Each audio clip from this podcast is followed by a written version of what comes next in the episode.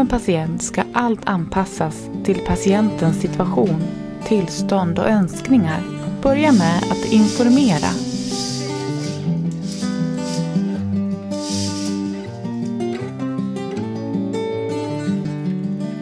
Din arbetsposition är viktig. Ställ därför in bäddens höjd efter din längd. Använd skyddsklädsel för att inte sprida smitta. Nödvändig utrustning placeras lättillgängligt. Reglera vattentemperaturen i samråd med patienten. Börja med att tvätta pannan, kinder, näsvingarna och runt munnen. Det är patienten som väljer om tvål ska användas. Viktigt att tänka på är att det är lätt att skada en äldre persons hud.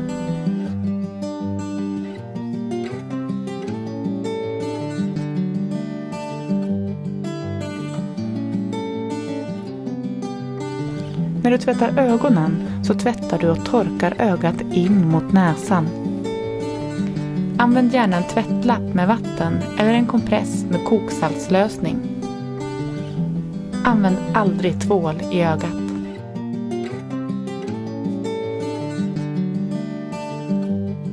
Inspektera, tvätta och smörj ögats hudveck.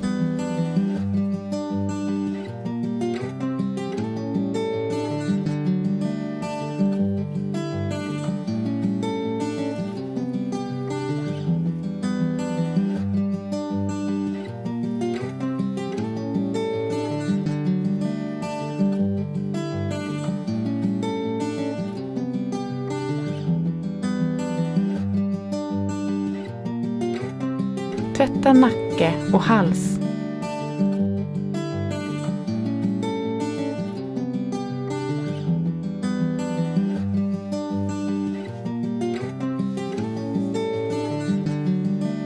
Det är viktigt att aldrig blotta patienten.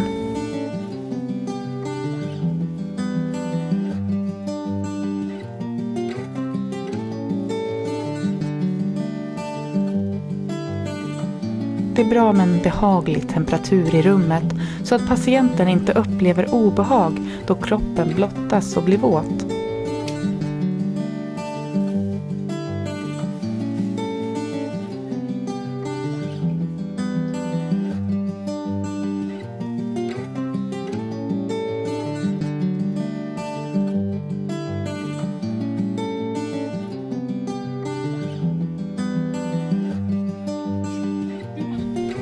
Tvätta därefter bröst och mage och var noggrann under brösten.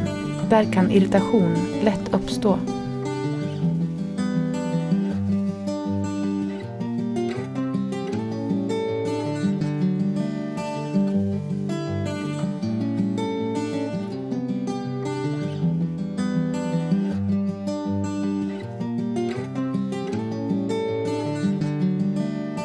Rengör navel försiktigt.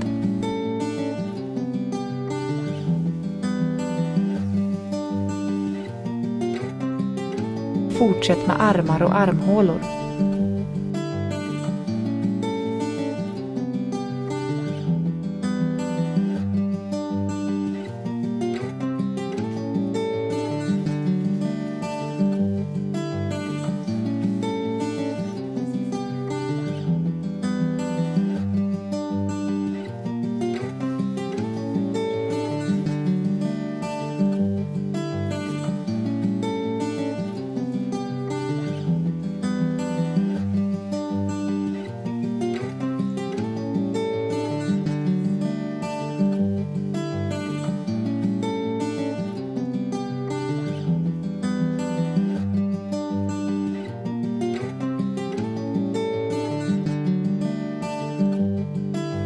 Torka torrt och erbjud deodorant.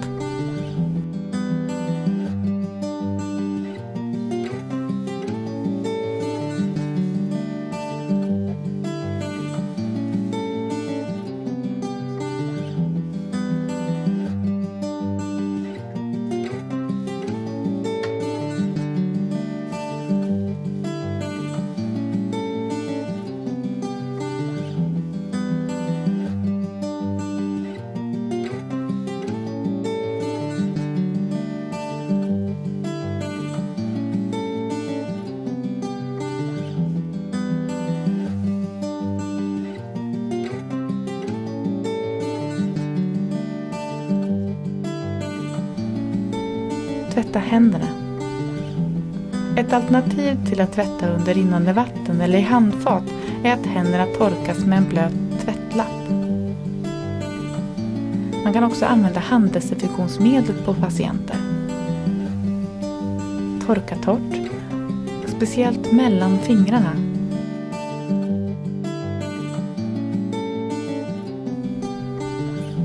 Händerna smörjs in med en mjukgörande kräm i samråd med patienten.